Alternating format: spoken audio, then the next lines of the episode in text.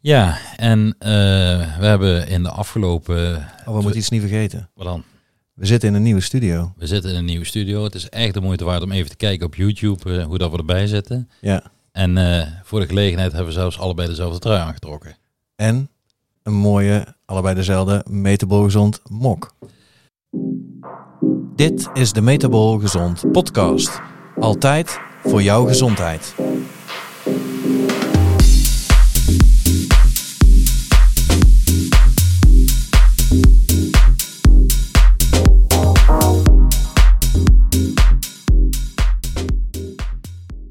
Welkom bij weer een nieuwe aflevering van de Metabol Gezond podcast, waarin wij jou de kennis geven om jouw gezondheid te verbeteren. Meer content krijg je wanneer je ons volgt op Facebook en Instagram. Je vindt ons onder Metabol Gezond. De podcast kun je terugvinden op Spotify, SoundCloud, Google Podcast en de Apple Podcast app. Allen onder Metabol Gezond. Bij verschillende podcast apps kun je ons volgen, zodat je geen aflevering meer hoeft te missen. Daarnaast kun je ons ook terugzien op YouTube, ook onder Metabol Gezond. Abonneer je op ons kanaal om niets te missen. Welkom bij weer een nieuwe aflevering van de Metabol Gezond podcast. Goedemiddag, goedemorgen of goede avond, al naar gelang wanneer je naar deze podcast luistert. En vandaag is het eh, tijd voor eh, part 3 van het immuunsysteem. Ja, en eh, we hebben in de afgelopen... Oh, we moeten iets niet vergeten. Wat dan? We zitten in een nieuwe studio. We zitten in een nieuwe studio. Het is echt de moeite waard om even te kijken op YouTube eh, hoe dat we erbij zitten. Ja. En eh, voor de gelegenheid hebben we zelfs allebei dezelfde trui aangetrokken. En een mooie, allebei dezelfde, Metabol Gezond mok. Maar goed, voor de luisteraars die dus niet kijken. Ja. In de afgelopen twee podcasts hebben we gesproken over, over eh, het immuunsysteem al. En we hebben het gesproken over eh, die eerste component eh, als barrières. De tweede component als een, als een deel van het aangeboren immuunsysteem. En we zouden het vandaag over de derde component gaan hebben. Maar het leek mij misschien wel handig om dat dan allemaal toch nog eventjes samen te vatten in een resume. Om, om, om, om nogmaals weer duidelijk te maken waar hebben we het eigenlijk over. En ehm, nou ja, ik denk dat ik daar maar gewoon mee aftrap. Prima. En eh, spring ertussen als je, als je iets te vertellen hebt, Tom. Ja, zal ik doen. Nou ja, eh, ik heb eh, al eerder gezegd, en misschien heb jij het ook wel gezegd, dat ons immuunsysteem eigenlijk negen componenten kent. En het is even wennen in deze nieuwe studio, want normaal gesproken kunnen we elkaar toch wat beter aankijken. Dus ik ga het toch een beetje vreubelen. Met het gevaar dat het toch anders gaat zijn. Maar goed. Dus nogmaals, eh, ons immuunsysteem bestaat uit negen componenten. En ehm, de eerste component is eh, niet specifiek en is niet eh, pro-ontsteking. Dus het is eigenlijk anti-ontsteking. Mhm. En die bestaat uit onze barrière. Component 2 is pro-ontsteking, is eveneens niet specifiek. En dat is dus een onderdeel van nog steeds het aangeboren immuunsysteem. Ja, en dat, dat is ook het systeem, misschien een toevoeging, wat eigenlijk eh, niet leert. Inderdaad, want daarvoor hebben we component 3. Mhm. En we hebben eh, in de afgelopen weken ook op onze socials abusievelijk eh, gezegd dat dat al het verworven immuunsysteem was. Maar in werkelijkheid blijkt dat de brug tussen het aangeboren en het verworven immuunsysteem te zijn. Ja. En dat is juist om dat leergedrag eh, van ons immuunsysteem eh, te ondersteunen. Ja. En, dan, en dat gebeurt eh, met behulp van antigen presenting cells. Mhm. Dat leggen we straks nog eventjes uit. En zoals gezegd, dat is dus de brug tussen het aangeboren immuunsysteem en het verworven immuunsysteem. Dan hebben we component 4 tot en met 8 eh, als onderdeel van ons verworven immuunsysteem. Dat komt in de volgende podcast wel aan, aan, aan bod. Ja. En tot slot hebben we component 9 en dat is een gedragscomponent. Ehm, nou ja, en, en het, de gedragscomponent verklaart eh, ons gedrag bij ziekte Ja. eigenlijk. En ik komt iemand binnen, even zwaaien. Hallo. Hallo. Dat was eh, Margriet. Ehm, en dan ben ik afgeleid, maar dat maakt niet uit. Ehm, en de eerste, eh, de, we hadden het net over die gedragscomponent. Dus, dus eh, die verklaart je gedrag bij ziekte. Bijvoorbeeld het terugtrekken eh, Ja. bij, bij een infectie om, om in bed te gaan liggen en zo de rest van de stam niet. Ja, en er is ook een stukje wat daarin zit, zonder daar inderdaad diep op in te gaan nu, is, is ook walging. ja, Het verhaal van, eh, van de, het stuk chocola in de vorm van een drol. Ja. Je weet wat ik bedoel, toch? nee, niet precies, maar ga- dat ga je nu uitleggen. Nou, als je mensen eh, een stuk chocola laat zien, wat er gewoon uitziet als chocola, dan eten ze dat op. Maar het is ons verworven immuunsysteem die eigenlijk vertelt als je een stuk chocola in de vorm van een drol presenteert van oeh, dat ga ik niet opeten. Nee, precies. En dat is walging. En dat is wat ons eh gedragsimmuunsysteem ons heeft geleerd. En dat is in feite ook een beschermingsmechanisme om geen dingen te eten die potentieel schadelijk zouden kunnen zijn. Ja, precies. Eh, want dat is perfect de taak van ons immuunsysteem. Eh, verdedigen tegen mogelijke infectieuze bedreigingen. En dat hele immuunsysteem is, eh, is erop gericht om indringers onschadelijk te maken. Ehm, en nou ja, daar is nog het een en ander voor nodig. En die indringers en schadelijke cellen worden ook wel eh micro-organismes genoemd of eh, antigenen. En een antigen of een antigeen, dat weet ik eigenlijk niet. een antigen, denk ik. In, in het Engels is het makkelijk, want dan is het eh, Antigen. antigen. Ehm, die kan zowel schadelijk zijn, waar er dus een immuunreactie op moet volgen, maar die kan ook niet schadelijk zijn. Bijvoorbeeld een, een lichaams-eigen eh, antigen. Ehm, en dan is het niet handig als ons immuunsysteem Ja. aanspringt. Ja, ik, ik las ehm, dat het ook zo werkt als je geboren wordt. Dan heb je al een, eh, een verworven immuunsysteem voor een soort geheugen wat je ook al meekrijgt. Van je moeder. Ja. Mhm. En eh, jouw eigen immuunsysteem gaat dan, als dat verworven immuunsysteem ehm, bij jouzelf begint te werken, eigenlijk je eigen lichaam ook ontdekken en nalopen. Mhm. Dus eh, bijvoorbeeld een cel van de alvleesklier, daar heb je als het goed is ook al een, eh, een anti-lichaam voor liggen. Mhm. Nou, dat, wordt herkend door het immuunsysteem, maar dat wordt dan, zoals jij bijvoorbeeld eh, net noemde, als lichaams eigen geregistreerd. Ja, dat is dus het, het zelf en het niet-zelf eh, van organismes. Ja, ja, Ehm, ook onschadelijke micro-organismes eh, horen daarbij. Eh, wat ik me daarbij moet voorstellen, wat on, onschadelijk micro-organismes kan ik niet 1, 2, 3 benoemen. Maar in ieder geval zorgt het ervoor dat ons immuunsysteem tegen deze stoffen tolerant is. Mhm. En eh, de tolerantie eh, zorgt er dus voor dat, eh, ja, dat het immuunsysteem niet aangezet wordt op het moment dat deze antigenen gepresenteerd worden. ja zoals je eigen alvleesklier. Dat is niet het idee dat je lichaam daar een immuunreactie tegen gaat voeren. Nee, en dat gebeurt natuurlijk wel eh, als we het hebben over diabetes type 1. Ja, dan is er iets fout gegaan. En daarom heet dat een auto-immuunaandoening. Precies. Ehm, die eh, indringers en schadelijke cellen, ja, het gaat eigenlijk over de barrière om ervoor te zorgen dat ze eerst maar eens niet binnenkomen, is component 1. Hè? Mhm. En ehm, daar zijn als, al cellen aanwezig, zoals T-lymfocyten en B-lymfocyten, in die barrières, om ervoor te zorgen dat eh, dat, dat een anti-ontstekingsachtige werking heeft. En om eventjes te, eh, er nog maar eens bij te halen welke barrières eh, dat dan zijn, zijn natuurlijk de slijmvliezen van onze bovenste luchtwegen. We gaan even van boven naar beneden. Mhm. En ik mis al de bovenste. De echt bovenste is de bloed-hersenbarrière uiteraard.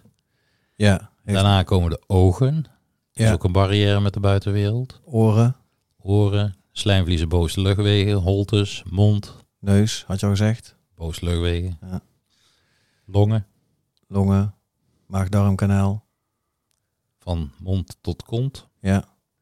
Je urogenitaal systeem, oftewel eh, bijvoorbeeld bij de vrouw denk aan de, de vagina ook een directe verbinding met de buitenkant. Ja, en de slijmvliezen van de baarmoeder en de blaas. Ja. Ehm, de huid. Niet te vergeten, sterker nog, een hele belangrijke. Ja, maar niet zo makkelijk te doordringen. Omdat die huid uit meerdere lagen bestaat en de slijmvliezen zijn relatief kwetsbaarder. Ja. Ehm, Maar wel een barrière, misschien nog leuk om toe te voegen, die eh, al vroeg in het leven, ehm, door hetgene wat je daar eigenlijk zou moeten ontvangen, de geluidsbarrière. ja, is ook een barrière. Ja, en niet bij ons. Nee. Eh, ik heb wel in de buurt van een vliegveld gewoond, dus ik heb regelmatig gehoord hoe dat eh, werkt met de geluidsbarrière. Je hebt geen eh, geluid. Koptelefoon eh, is eventjes... ja, nee, hij is er weer. Hij is er weer. Alright. Goede aansluiting. Nieuwe hij is studio. Goede aansluiting. Nou. Nou ja, dat moet ook soms zijn, hè? Technisch. Is hij nu weer? Ja, Zal ik hem vasthouden? dat is goed. Krijg je al kramp in je duim. Ik ga hem heel voorzichtig loslaten. En hij is weer weg. Ben jij. Ja, Ja, dat hoort erbij, toch? daar hoort er wel Maar, bij. Wat ik wou zeggen was dat... ehm, Nou is het beter. Als er geen spanning op staat, is het beter. Ja, hij doet het weer. Wat ik wou zeggen was dat eh, dingen die je nodig eh, hebt, die je verwacht om te krijgen in het begin van het leven, zoals eh, warmte, een aanraking, een veilige omgeving, eh, heel erg bepalend zijn voor die, eh, voor die huidbarrière, hoe die, eh, zich later, eh, hoe die later zal functioneren. Ja, daar kan ik me iets bij voorstellen.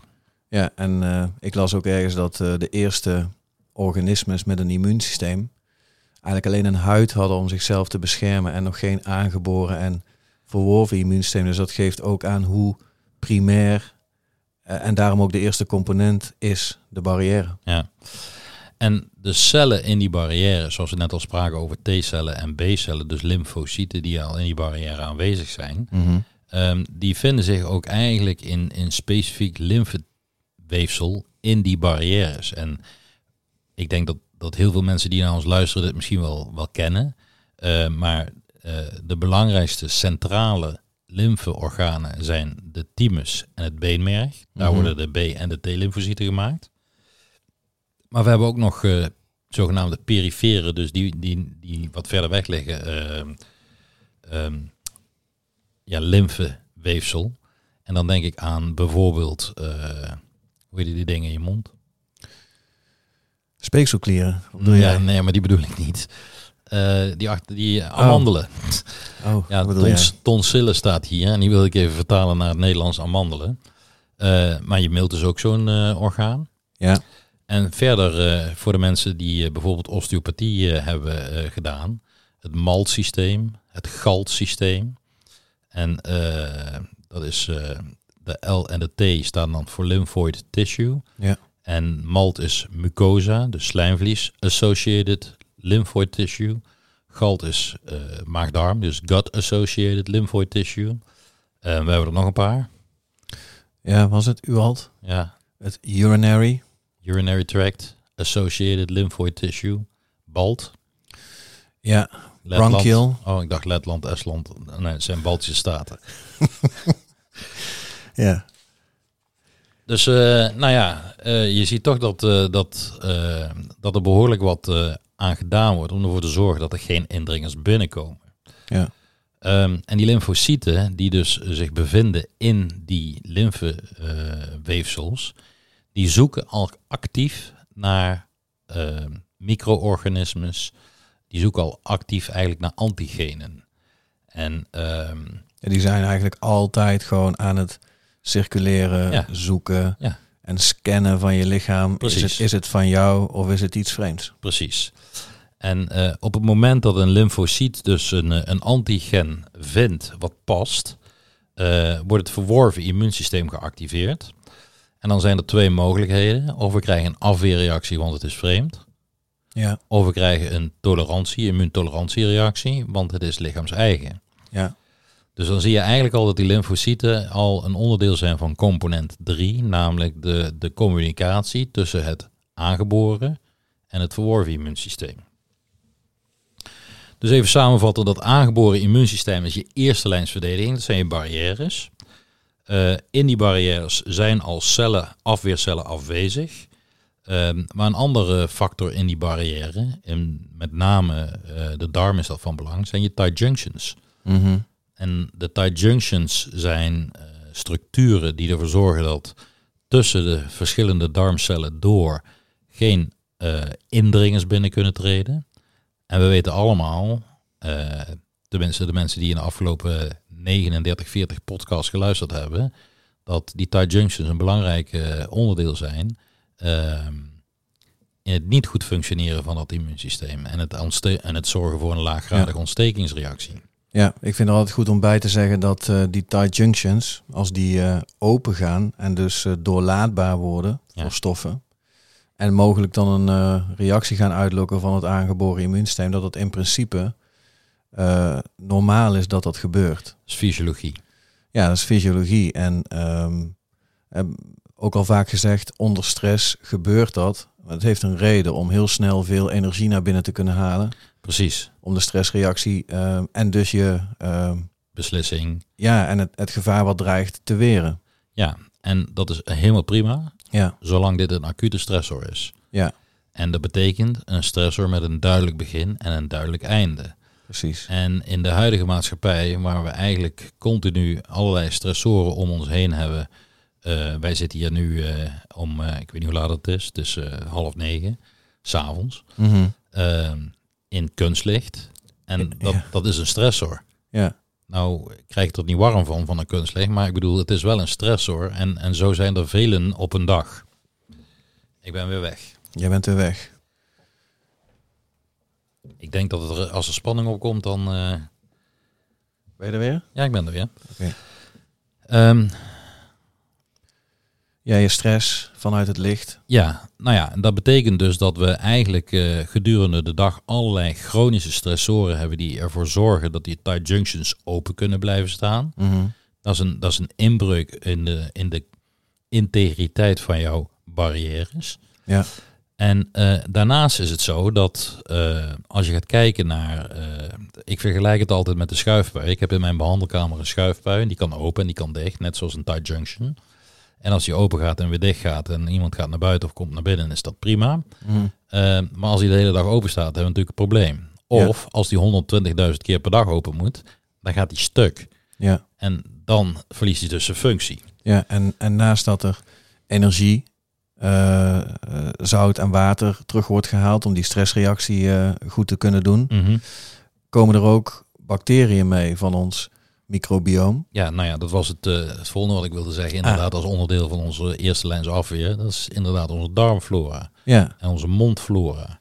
ja, En, en ongetwijfeld eh, hebben we in onze KNO-gebied en eh, ook flora. En ook Ja. in onze longen zit flora natuurlijk. ja. En, een, en een belangrijk aspect daar is om het goed of fout te laten gaan Ja, in de, in de reactie. Dat als die flora eruit ziet zoals die er van een mens uit hoort te zien, Mhm. dus met de juiste samenstelling van al die micro-organismes die eh, leven in je, in je microbioom, Mhm.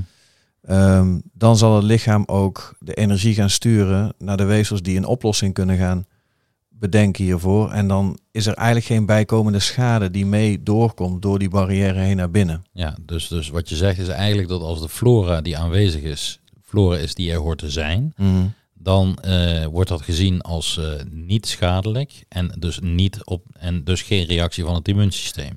Ja, en gaat de stressreactie nog wel door om een oplossing te creëren? Precies, maar dan krijg je nou een aanwakkering van het immuunsysteem. Ja, wordt die oplossing gevonden, dan wordt daar ook een, eh, een geheugen voor creëer- gecreëerd. Dus dan kun je volgende keer voor dat probleem diezelfde oplossing doen. Mhm.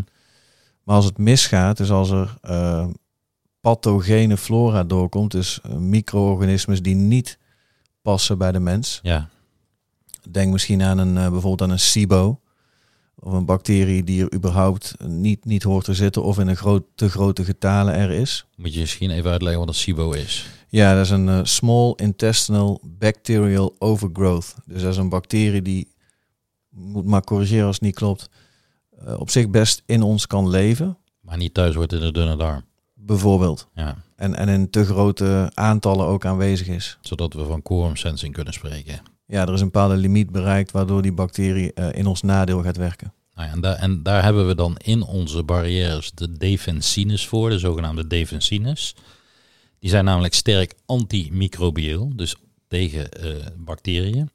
En die integreren in de celwand van virussen, bacteriën en eh, schimmels, zodat die daaraan overlijden.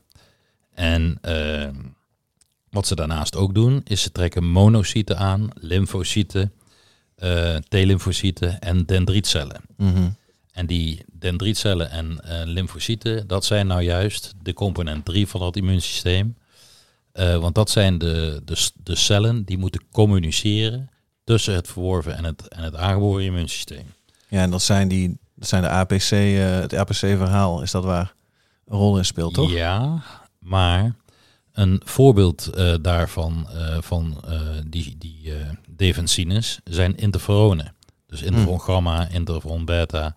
En dat zijn eigenlijk dus cytokines. Mhm. Dat zijn stoffen die het immuunsysteem vertellen van, joh, hier moet je wezen. Toch? Ja, Ehm, maar ook lactoferine, ja, filagrine, ja. eh, dat gaat dan over de huid. En manosebinnend lectine. Dus eh interessant eh, verhaal. Lactoferine is, eh, is alom bekend als antiviraal, antimicrobieel. En daar weet jij meer van dan ik. Ja, omdat lactoferine in staat is om, om ijzer te binden. En ijzer wat beschikbaar is in ons lichaam kan als voeding gebruikt worden door deze pathogenen. En op die manier kan een pathogeen eh, groeien of in het geval van een virus zich repliceren. Oké. Ja. Dus het eerste advies bij een eh, virale infectie is om te starten met lactoferine. Ja, we hebben natuurlijk recent ons eh, long covid herstelprogramma gelanceerd. Voor degenen die geïnteresseerd zijn, check zeker even onze website. En ik, ik wil toch een beetje met onze nieuwe studio wat leuke dingen gaan doen. Hè? Ja, Dus eh, check even hierboven de link voor ons programma, mocht je geïnteresseerd zijn. oké, leuk. Dus en daar zetten we het ook in. Ja, daar zit het ook in. En, en eh, wij hebben eh, vanmorgen daar nog over gesproken, over de dosering van de lactoferine. Ja, Ehm, we hebben ons programma driemaal daags 1000 milligram. Driemaal Ja, daags 900. 900, klopt. klopt. Ehm, en eh, jij vertelde eigenlijk dat het eh, hoger zou moeten zijn zelfs. Ja, er is nog een studie gedaan, nog niet zo lang geleden, waarin ze hebben gewerkt met 5 gram per dag. Hoewel wij moeten vaststellen dat in de praktijk eigenlijk niet aan die, aan die, aan die aantallen komt. Nee, Dus. Maar goed, wij hebben in ons programma lactoferine als, eh, als, als een onderdeel om, eh, om long covid klachten te verbinderen. ja, Ehm filagrine is ook een interessant verhaal, want filagrine is, eh, is afkomstig of wordt gemaakt vanuit het eiwit L-histidine. ja, correct. En speelt naar mijn mening ook een rol in de ontwikkeling van, zeg eens, histamine. Ja, er kan ook eh, histamine van eh, uit L-histidine worden gevormd. Ja. Dat klopt. Ehm, en, en bijvoorbeeld bij een eh, neurodermatitis of dus een eczeemklachten zou filagrine wel eens een deel van de oplossing kunnen zijn om de barrière te herstellen. Zeker. Dan is er in ieder geval ook iets aan de gang waardoor eh, de histidine niet in het ju- juiste pathway eigenlijk gebruikt wordt. Precies. Ja. Goed, eh, nou ja, dan eh, zijn we aan het einde van onze barrièreverhaal, zeg maar, waar we al eh, een podcast over gedaan hebben. En Mhm. we gaan ruimschoots binnen de tijd nog, zie ik. Ja, Maar als die barrière dan daadwerkelijk faalt, of stuk gaat, of in ieder geval micro-organismes of antigenen doorlaat, dan komen we bij component 2 van het aangeboren immuunsysteem. En dat is een pro-inflammatoire deel van het immuunsysteem. Dat wil zeggen, er wordt een ontstekingsreactie gestart. ja, Ehm, nog steeds niet specifiek. Dus eh, dat is gewoon eh, volle bak brand. ja en dat, eh, dat is ook erg, ja, in eerste, dat is ook erg toxisch. Dus het is eigenlijk niet het idee dat dat te lang actief moet gaan zijn, want dan gaat het ook echt heel erg veel, heel erg veel schade achterlaten. En dat zien we dus bijvoorbeeld bij long covid. Daar schiet deze immuunreactie enorm door met een cytokine storm. Ja. Ja. Maar eh, die component 2 eh, bestaat dus onder andere uit leukocyten en monocyten en macrofagen. Die Mhm. allemaal eh, zich ontwikkelen uit monocyten. Granulocyten, en het zijn allemaal witte bloedlichaampjes. En granulocyten zijn vooral tegen parasieten. Ja, Ehm, natural killer cellen, nou ik denk niet dat ik moet uitleggen wat die doen. Die maken vast iets dood. Ja, dat lijkt me. Eh, maar ook mestcellen, dus histamine speelt ook een rol in de communicatie eh, van ons immuunsysteem. En dendrietcellen. En deze dendrietcellen zijn een voorbeeld van antigeen presenterende cellen, net zoals leukocyten dat ook kunnen zijn. Ja, En die presenteren eigenlijk die antigenen aan ons verworven immuunsysteem. ehm, om op die manier eh, ook herinnering of eh, memory eh, cellen aan te maken. Ja. Her- Herinnering is niet het goede woord. Eh, geheugen. Geheugencellen. En als je gaat kijken naar de uitleg van bijvoorbeeld de vaccinaties die op dit moment plaatsvinden, Mhm. ehm, dan, dan horen we eigenlijk dat er gekeken wordt in het bloed naar bijvoorbeeld in, hoe heet het, immunoglobulines. Hè? Mhm. Ja. er wordt helemaal niet gekeken naar geheugencellen en dergelijke. Wat, Nee. Dat is lastig te zien, want die komen pas als er een besmetting is. ja, en ehm, ik, ik, ik, zat, ik had hier toevallig net bij de hand dat als dat eh, verworven immuunsysteem in actie eh, gaat komen, dat het ook wel even kan duren voordat we daar dan een, een goede receptor hebben gemaakt voor dat, voor dat antigen uiteindelijk. Ja. Eh, 27 tot 42 dagen. Ja, dus, dus iemand eh, die besmet is eh, en eh, na 14 dagen denkt weer te kunnen gaan werken, die is misschien een beetje te optimistisch. Ja, mogelijk wel. Ja. Ehm, die component 2, die kunnen we uitzetten door gebruik te maken van resolvines. Ja, En daar zit het Engelse woord to resolve in, iets oplossen. ja. En ehm, nou ja, een, een, een resolvine is, is, een, is een stopsignaal eigenlijk. ja. Eh, heb je nog meer voorbeelden van stopsignaal? Ja, een van de stopsignalen is eh, melkzuur. En melkzuur produceren we bij activiteit.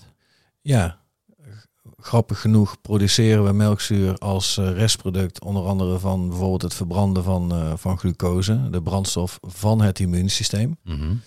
En eh, de immuuncellen, als die, als die gaan detecteren dat er melkzuur eh, wordt geproduceerd, of nou ja, het zenuwstelsel eh, is dan in staat om ook dat immuunsysteem weer uit te zetten. Dus de stof die zelf door het immuunsysteem wordt geproduceerd, is uiteindelijk ook de stof die het immuunsysteem weer uitzet. Dus het gaspedaal is ook het rempedaal. Ja, met een elektrische auto als je het gas loslaat. Ja.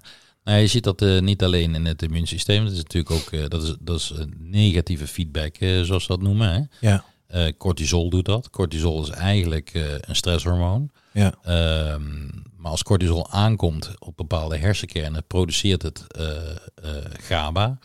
En GABA is in staat om het Ja. stressreactie uit te zetten weer. ja, wat ik altijd mooi vind aan dit verhaal, is dat je daarmee ook heel erg ziet dat deze reactie ook niet bedoeld is om lang te gaan duren. Nee, precies. Nee, dus door de productie van de stof zet je eigenlijk het einde van de reactie al in gang. Ja, de stof die, die een deel van de actie geeft, is ook de stop. Dat is Ja. wel een, een eh, mooi signaal dat het ook niet de bedoeling is dat deze reacties lang voort gaan duren. Als ik dan denk aan eh, wat kunnen we dan praktisch met melkzuur, dan eh, is dat A, productie door bijvoorbeeld te bewegen. Maar B, ook gefermenteerde producten eten, zoals zuurkool, et cetera. Ehm, dat, dat is ook mel- melkzuur geproduceerd, zeg maar. Gefermenteerd. Ja, er is natuurlijk heel lang heel negatief gepraat over, eh, over melkzuur, omdat dat eh, verzurend zou werken, maar het is maar net in welke vorm het overblijft. Dat is, Ja. dat is één, moeten we misschien nu niet dieper op ingaan. Nee. En ehm, van melkzuur kan opnieuw ook weer energie gemaakt worden. Ik wilde het net zeggen, want de hersenen kunnen melkzuur gebruiken als eh, energiebron. Ja, sterker nog, ik heb eh, recent eens gehoord dat heel lang is geroepen van nou, glucose is de geprefereerde brandstof waar elke cel in ons lichaam eigenlijk op, op kan. Maar het is eigenlijk melkzuur. Maar het is melkzuur behalve van het immuunsysteem. Die, die, die rendeert op glucose. En juist het feit dat de hersenen eh, op lactaat, op melkzuur kunnen, maakt ook dat de glucose ter beschikking blijft Voor het voor het immuunsysteem. immuunsysteem. Duidelijk. Dus, dus onze hersenen en andere lichaamcellen hebben naast de glucose ook nog andere mogelijkheden, zoals het, eh, het eh, maken van eh, het verbranden van vetten. En daar komen ketonlichaampjes bij vrij. Ja, Ehm, dus bij het maken of het, het verbranden van glucose komt melkzuur vrij. ja, En dat gaat via de Cori pathway, wordt het dan weer omgezet in brandstof. ja, Ja. dat klopt. Nou, en een, misschien nog een voorbeeldje van een, van een stopsignaal. Of eh nou ja, wil je stap verder maken? nee, nee, nee. Een, een ander voorbeeld van een eh, stopsignaal is PDL1. Ja, klopt. En PDL1, ehm, eh, als er een virale infectie is, Ja, en PDL staat voor Programmed Death Ligand 1. ja, dan wordt er ehm, interferon gamma geproduceerd Ja, om het immuunsysteem te activeren nog een uh, interferon. tegen vi- het virale infect. Mhm. Ehm, en, en PDL1 is, eh, is, is verantwoordelijk voor de afbraak van geactiveerde immuuncellen die niet meer nodig zijn. Aha. Dat is het probleem is opgelost. Ja, dus ook een stopsignaal. Verder, eh poeh, zo even aan mijn blote hoofd. Eh proteïnes. Ja, proteïne S. Eh, 100% afhankelijk dat je ook, van dat je ook vitamine K hebt. Anders kun je Dus geen zegt- proteïnes maken. Ja, dus dan komen we ook weer uit op een gezonde darm. Want daar zitten producerende cellen in. Ja. Vitamine K producerende cellen. Ja, en eh proteïne S houdt onze macrofagen in een M2-type. Ja, dan zitten we in de MIF en de MAF. En de M2 is anti-inflammatoire en de M1 is pro-inflammatoire. Ja, dus andersom. nee, klopt. Het Want ze- ze houden het in een M2-type en dat is anti-inflammatoire. Dus op die Precies. manier is het een stopsignaal voor de ontstekingsreactie van het aangeboren immuunsysteem. Oké, dus eh, nog meer? Nou ja, als je wil. Eh, we hebben nog adenosine. Oké, En eh, het immuunsysteem werkt dus op glucose met een anaerobe verbranding. En het kan dus slechter uit ADP opnieuw ATP produceren. Ja. En daardoor lekt er adenosine weg. Mhm. Adenosine is de bouwstof van adenosine trifosfaat. eh, waar Ja. glucose in wordt omgezet, wat uiteindelijk in de mitochondriën onze energiebron is. Ja. En eh, dat is ook een manier eh, waarmee het immuunsysteem zichzelf onder controle houdt met het lekken van deze stof. Ja, dus ook weer, het immuunsysteem gaat aan. Het Ja. immuunsysteem werkt anaeroob. Ja. Het, het zorgt ervoor dat de adenosine lijkt, wat een stopsignaal is voor het immuunsysteem. Ja, Ook weer niet de bedoeling dat het heel lang duurt. nee. Ja, correct. correct. Zit trouwens ook in gefermenteerd voedsel, eh, adenosine. Oh, dat wist ik niet. Zie ik hier. Maar dan hebben we de stopsignalen hoor. Oké, maar als we nou niet stoppen bij component 2, dan gaan we toch naar component 3. En zoals gezegd is component 3 de schakel tussen het verworven en het aangeboren immuunsysteem. Het wordt gerekend tot het aangeboren systeem, omdat de cellen die uit, deel uitmaken van component 3, en dat zijn dus dendrietcellen, eh, als antigeen presenterende cellen, eh, die komen voort uit cellen van component 2, uit de monocyten. Mhm. En ehm, ja, ze communiceren dus met het verworven immuunsysteem. Het heeft twee functies. Enerzijds om het verworven immuunsysteem te laten leren van de doorgemaakte infectie. En dat is dat dus geheugen.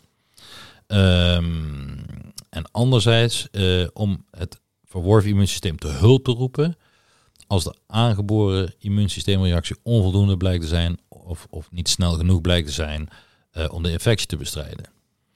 Nou ja, de, de, de cellen die daar, eh, waar component 3 uit bestaat zijn dendrietcellen, macrofagen en B-lymfocyten. En die vormen dan met z'n drieën de APC, dus Mhm. de antigen presenting cells. Ehm, die, die bevinden zich al in de barrière, Ja. zijn dan onrijp. Mhm. En eh, ja, die kunnen dus uitrijpen. En de uitrijping eh, kan gebeuren aan de hand van. eh, dus stel je nou voor dat er een, een, een micro-organisme door de barrière heen is gekomen, maar het, het aangeboren immuunsysteem is in staat om die te doden. Mhm.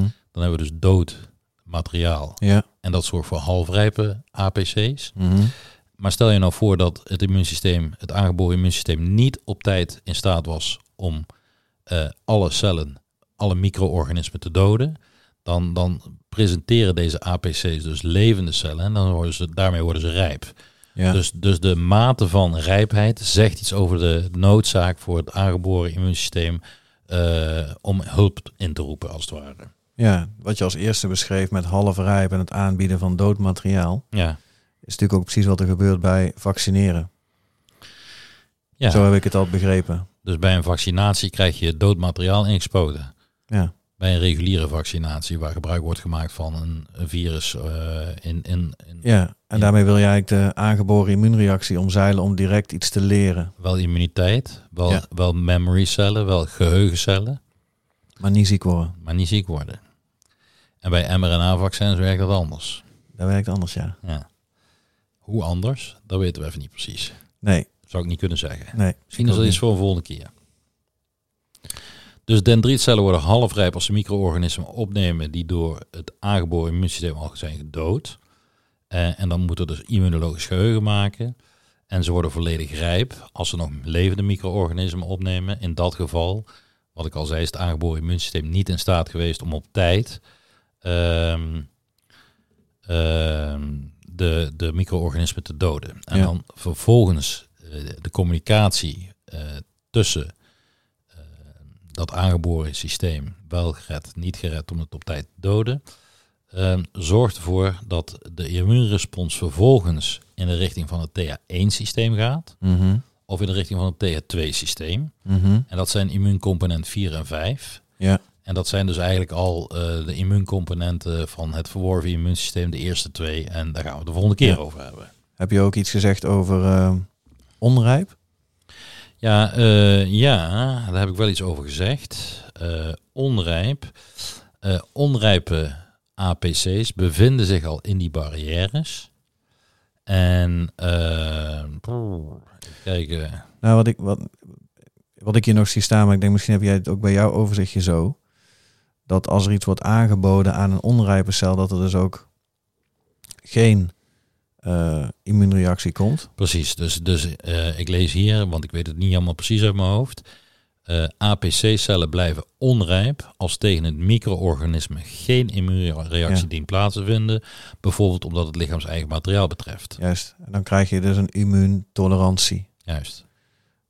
En ehm, nou ja, dat was volgens mij nog wat er als laatste Wat misschien nog niet helemaal duidelijk was. bij moest. Want ook een, een, een, een component is, hè? Ja. TH3 systeem. TH17, Ja. T-regulator, Ja. komt allemaal in de volgende podcast. Yes. Dus samenvattend, de derde component van het immuunsysteem bestaat uit de dendrietcellen die na contact met een antigeen uitgroeien tot een APC. En een APC kan het eh, antigen presenteren aan T-lymfocyten en zodoende een reactie bewerkstelligen van het verworven immuunsysteem. Dit kan een reactie zijn van het TH1-systeem, component 4, het TH2-systeem, component 5 of het TH3-systeem, component 6. Correct. Ik eh, zie dat we weer ruimschoots het half uur door zijn. Zie ik ook. Tijd voor eh, de quote. Ja, ik had een quote gevonden van Aaron Bruno. Nog nooit van gehoord. Nee.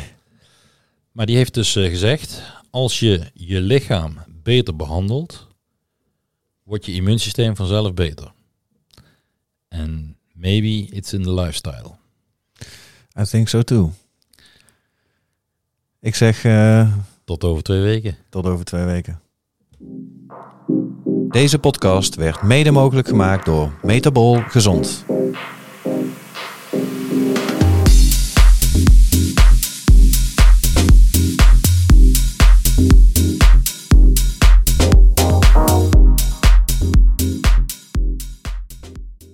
Informatie in deze podcast is niet bedoeld als vervanging van diensten of informatie van getrainde medische professionals en of zorgverlenende instanties zoals huisartsen, medisch specialisten, spoedeisende hulpverlening en acute geestelijke gezondheidszorg.